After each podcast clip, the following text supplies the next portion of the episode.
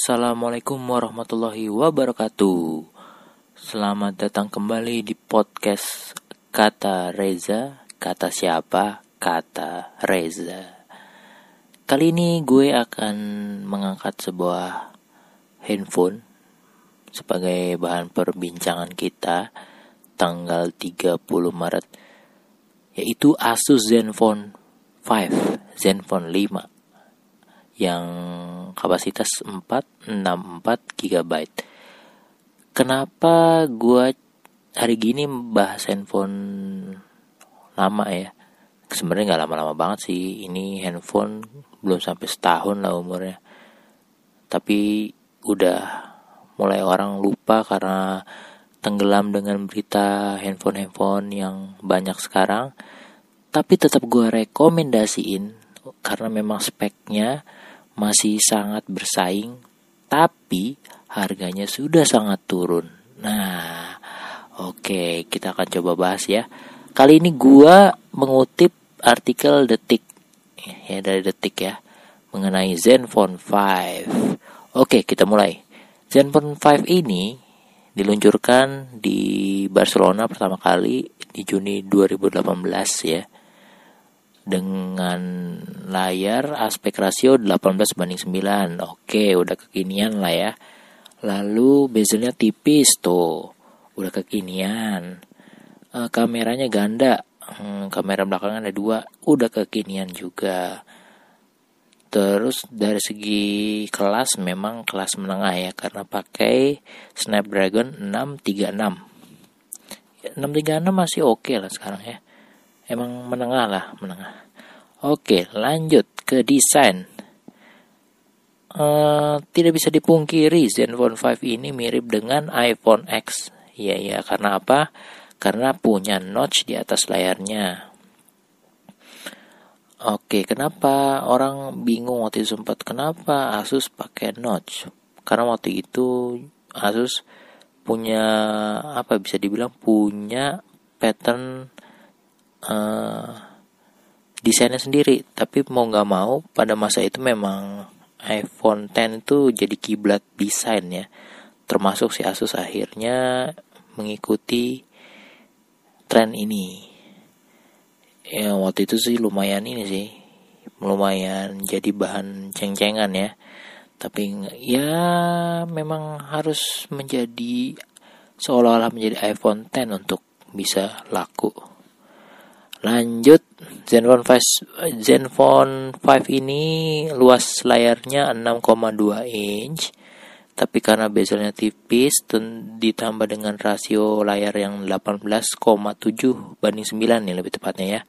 Memanjang membuat nyaman di genggaman. Oke bentuknya kalau kalau teman-teman pernah pegang dia itu agak gemuk ya ke kanan ke kiri. Jadi kayak handphone yang mungkin ya terlihat seperti handphone yang keinjak gitu. Jadi dia agak melebar ke kanan ke kiri. Tapi tetap masih nyaman di genggaman tangan. Lanjut. Oke tuh. Kurang lebih uh, kekian banget nih. Layarnya 84% dari body ya. Jadi lumayan lega Lanjut lagi dari tombol fisik. Di sisi kanan ada dua, yaitu volume dan power. Sebelah kirinya ada slot SIM card dan micro SD. Kemudian di bagian bawahnya masih ada headphone tiga setengah mm. Terus ada colokan Type C itu. Udah pakai Type C. Jadi udah, oh bukan udah, jadi masih sangat bersaing ya dari beberapa yang udah gue jelasin tadi. Lanjut, beranjak ke bagian belakang, dijumpai kamera ganda, vertikal, atas bawah, lengkapi lampu flash. Susunannya lagi-lagi ngikutin iPhone 10. Di tengahnya, di belakang ya, tengah belakang ada fingerprint, hmm, oke okay lah posisi ini standar lah. Dan materialnya terbuat dari metal kaca. Tuh. Jadi bentuknya premium nih. Dibalut frame aluminium. Dipadukan layar berponi desain kekinian. Jadi diyakini ini yang membuat nilai jualnya bagus. Untuk spesifikasi layar lebih jelasnya uh, layarnya lumayan. Resolusinya full full HD ya. Teknologi layar IPS bagus. Terus sudah ada Gorilla Glassnya sebagai pelindung. Tapi di sini di artikel ini nggak jelasin Gorilla Glass berapa ya. Mm-hmm, lanjut. Mm-hmm, gue sambil baca ya nggak apa-apa ya namanya juga uh, podcast podcastan asik. Nama juga kita ngobrol santai. Gue nggak usah terlalu serius nyari bahan lah ya. Kita ambil dari artikel orang aja deh. Oke. Oke oke. Mungkin kalau sepintas yang udah gue jelasin tadi orang mungkin nggak jadi ngambil handphone ini karena Asus. Karena user interface-nya pakai Zen UI nah itu mirip kayak orang memutuskan tidak memilih Xiaomi karena kurang suka dengan MIUI. Paling itu sih. Karena emang kalau dilihat ke belakang Zen UI itu memang ikonnya kayak jadul gitu ya. Terus ribet, banyak sekali gimmick-gimmick di apa gimmick-gimmick animation transitionnya gitu tapi mulai dari Zenfone 5 ini Zenfone 5 ini Zen UI-nya yang terbaru Zen UI yang uh, versi 5 kalau nggak salah ya. Begitu juga sekarang kalau lo belinya sekarang Androidnya udah Android Pie 9. Nah, makin cakep. Makin cakep. Jadi bentuknya udah kayak iPhone 10 dengan poni bad, uh, bodinya metal. Uh, cakep sih sebenarnya. Dan ada NFC-nya, Bro. Handphonenya ada NFC-nya dan sekali lagi gue ingetin harganya sekarang 3 jutaan. Gitu deh. Dan dijual kalau di toko at Pancar Store itu variannya 464 GB untuk harga detailnya gue nggak bisa kasih tahu di podcast karena harga itu kan berubah-ubah ya. Percuma kalau gue kasih tahu sekarang tapi pas lo kontak ternyata harganya lain nanti kecewa gimana nggak tahu. Jadi mendingan nanti lo langsung kontak aja nomor kontak cara menghubungi cara chattingnya ada di at pancar store oke waktu beli nih oke lanjut ya ke artikel ya. Waktu beli Androidnya masih 8 tadi udah gue bilang sudah ada pembaruan udah dapat uh, uh, Android Pie tentunya makin membuat handphone ini makin keren ya. Makin gak malu-maluin lah percaya sama gue. Oke lanjut ke hmm, performa. Zenfone 5 mengandalkan prosesor Snapdragon 636 dipadu dengan RAM 4 internal 64 GB handphone kelas menengah. Jadi kalau kalau teman-teman mau tahu skor Antutunya tuh di angka 180-an lah ya. Iya kurang lebih 180-an dan itu sudah bisa mengcover kebutuhan user handphone zaman now lah. Lo mau apa coba sebutin? Kamera nanti ada pembahasan khusus ya. Pokoknya secara umum kameranya bagus, prosesornya sudah memadai untuk main game lah. Sekarang apa sih kegunaan prosesor? Main game udah oke okay juga dan desain nggak nggak nggak malu-maluin oke lanjut Nih di sini juga tim Detik juga bilang saat dijajal untuk main PUBG tidak ada kendala yang berarti itu. Aman ya. Oke deh.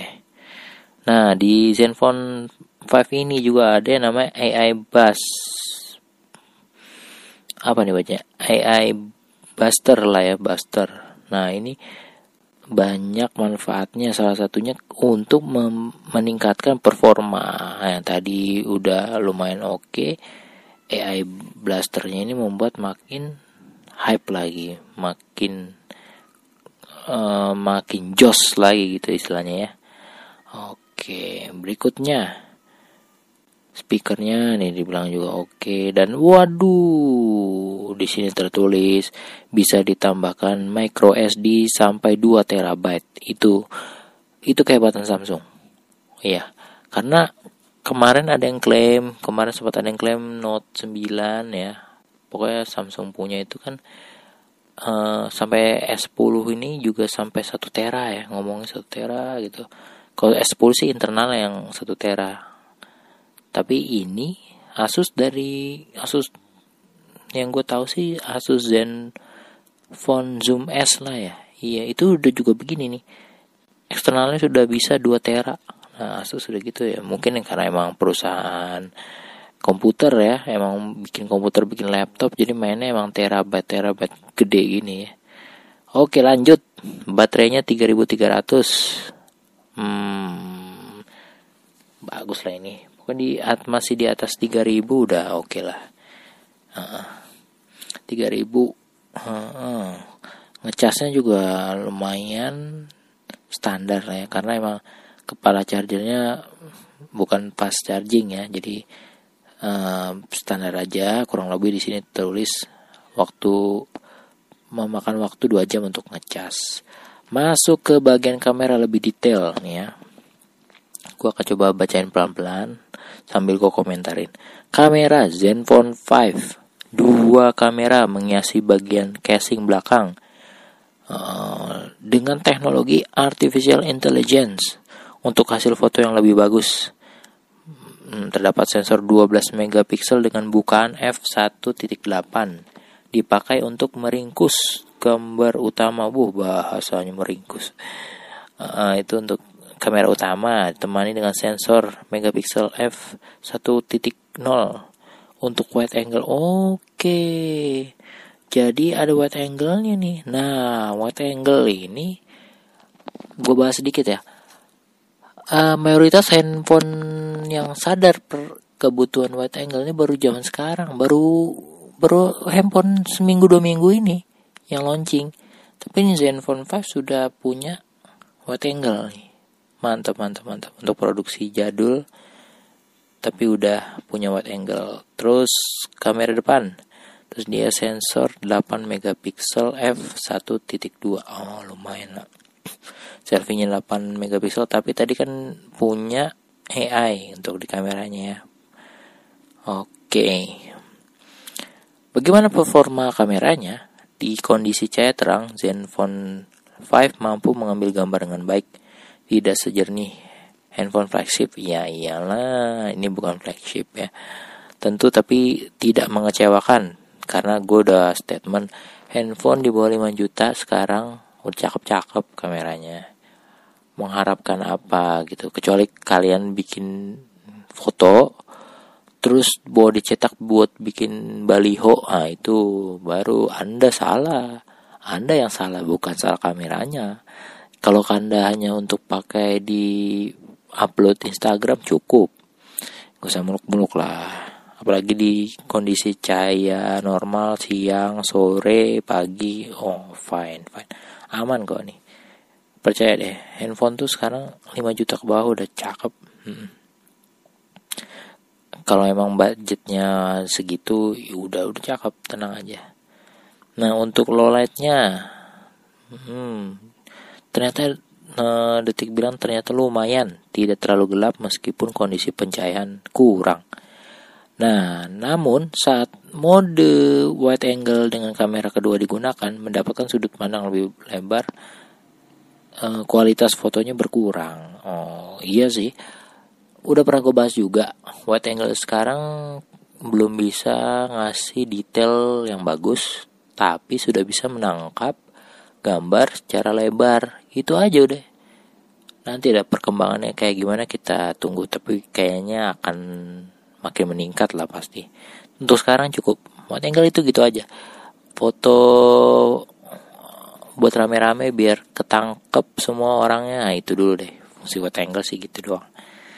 Nah ada banyak mode pemotretan di kamera Zenfone 5 ada auto, beauty, pro, gift, super resolution, GIF animation, panorama, slow motion, time lapse. Oh, ada banyak ya. Tinggal geser saja di bagian layar muncul ragam mode pemotretan itu. Lanjut beranjak ke kamera depan. Penggunaan dapat mengandalkan hasil selfie mulus berkat fitur beauty. Hmm. Jadi ada beauty-nya juga ya. Oh, bagus bagus bagus. Ah, kamera depannya itu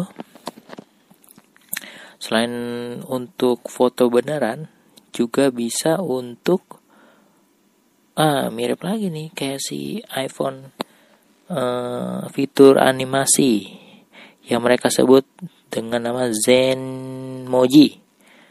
Fitur ala animojinya Apple.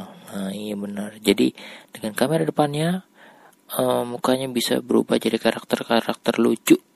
Iya, macam ada bentuk uh, burung hantu lah apalah gitu ya. Jadi kayak kartun tapi itu mimik-mimik muka lo gitu. Lanjut ke kesimpulan yang dibuat oleh detik ya. Dari sisi desain Zenfone 5 memang tidak orisinil. Mirip iPhone 10 tapi cukup banyak vendor yang juga melakukannya. Ya memang itu cara terbaik untuk bertahan hidup di kompetisi handphone. Para pencinta Zenfone khususnya agak bakal kecewa dengan handset ini. Performa baik? Oh tidak akan kecewa, sorry sorry. Gue ulang. Para pencinta Zenfone khususnya nggak akan kecewa oh, gitu dengan headset ini karena performanya baik, desainnya kekinian, kameranya dapat diandalkan. Oke, kelas menengah, iya. Karena memang Zenfone 5 itu menengah. Kalau budget lo ada, tapi gue nggak rekomendasiin sih. Ada yang namanya Zenfone 5Z. Itu pakai Snapdragon 845. Tapi enggak lah. Kalau itu masih harganya masih tinggi ya, masih 6 jutaan, 7 jutaan. Dan gue punya rekomendasi lain di harga itu. Jadi enggak untuk harga segitu Zenfone 5Z masih banyak pilihan lain lah yang lebih worth it ya. Uh, uh, kekurangannya di waktu artikelnya dibikin sih harganya nih 4,3 sekarang 3 jutaan bros. Iya cuman 3 dibuat 3,5 itu paling mahal. Tuh gua kasih bocoran ya. 3,5 itu paling mahal serius. Jadi sebelum satu tahun udah turun segitu fine lah. Baterainya juga aman oke. Udah itu yang dari artikel jadi gue tambahin sedikit sekali lagi kenapa gue angkat Zenfone 5 ini di episode 4 kata Reza. Karena sekali lagi handphone ini harganya udah turun di harga 3 jutaan, apa yang lo dapat itu worth it. Percaya sama gue. Dibandingkan lo harus beli handphone yang kentang-kentang, kaleng-kaleng, manfaatin aja nih Zenfone 5. Uh, tadi gue udah sebutin lo ya, oh, udah. Ada NFC-nya serius. Sekarang lo cari handphone baru masih bisa bersaing di segala lini. Harga 3 jutaan ada NFC coba coba nanti kasih tau gue kalau dapat kasih tau gue apa itu ya. Yang gue omongin di sini handphone resmi lo ya. Gak usah ngomongin yang kalau mau ngomongin non resmi mah banyak. Tapi nggak gue rekomendasiin karena gue punya pengalaman dulu jualan handphone BM itu lebih banyak ininya lebih banyak emang untung untung. Semua penjualan orang dagang tuh untung. Tapi ada yang mengganjel aja gitu ya kita mainnya. Main resmi-resmi Indonesia aja gitu. Oke mungkin itu yang bisa gue bagi hari ini malam ini asik. Dan gue usahakan besok kita ketemu lagi. Malam ini gue record tanggal 30 Maret. Akan secepat mungkin gue edit dulu. Besoknya udah bisa kalian dengar tanggal 31 ya. Maret tuh sampai 31 ya? Iya. Sampai tanggal 31 kalian bisa dengerin. Dan semoga setiap hari bisa gue upload karena itu komitmen. Mudah-mudahan kalian juga ada yang bisa kalian dapatkan gue harap podcast ini bermanfaat dan gue harap juga ketika kalian ngobrol tentang HP dengan teman, keluarga, terus dengan enak kalian bilang, lu tau dari mana gitu. Ditanya gitu misalkan ya. Lu jawab, ya itu kata Reza. Asik, gue harapan gue segitu ya. Oh ya sekali lagi, jangan lupa juga sekalian mau iklan, mampir ke toko gue at Pancar Store di situ lo bisa dapat news-news tentang smartphone, bisa beli handphone, bisa konsultasi, bisa tanya jawab, bisa chatting, eh, bisa chatting uh, via WhatsApp dan DM. Lengkapnya cek aja langsung ke @pancarstore. Thank you udah dengerin. Semoga kita ketemu lagi di lain waktu.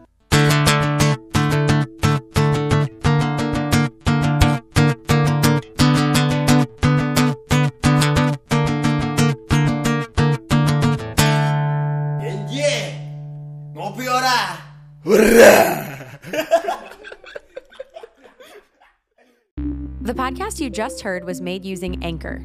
Ever thought about making your own podcast? Anchor makes it really easy for anyone to get started. It's a one stop shop for recording, hosting, and distributing podcasts. Best of all, it's 100% free. Sign up now at anchor.fm slash new. That's anchor.fm slash new to get started.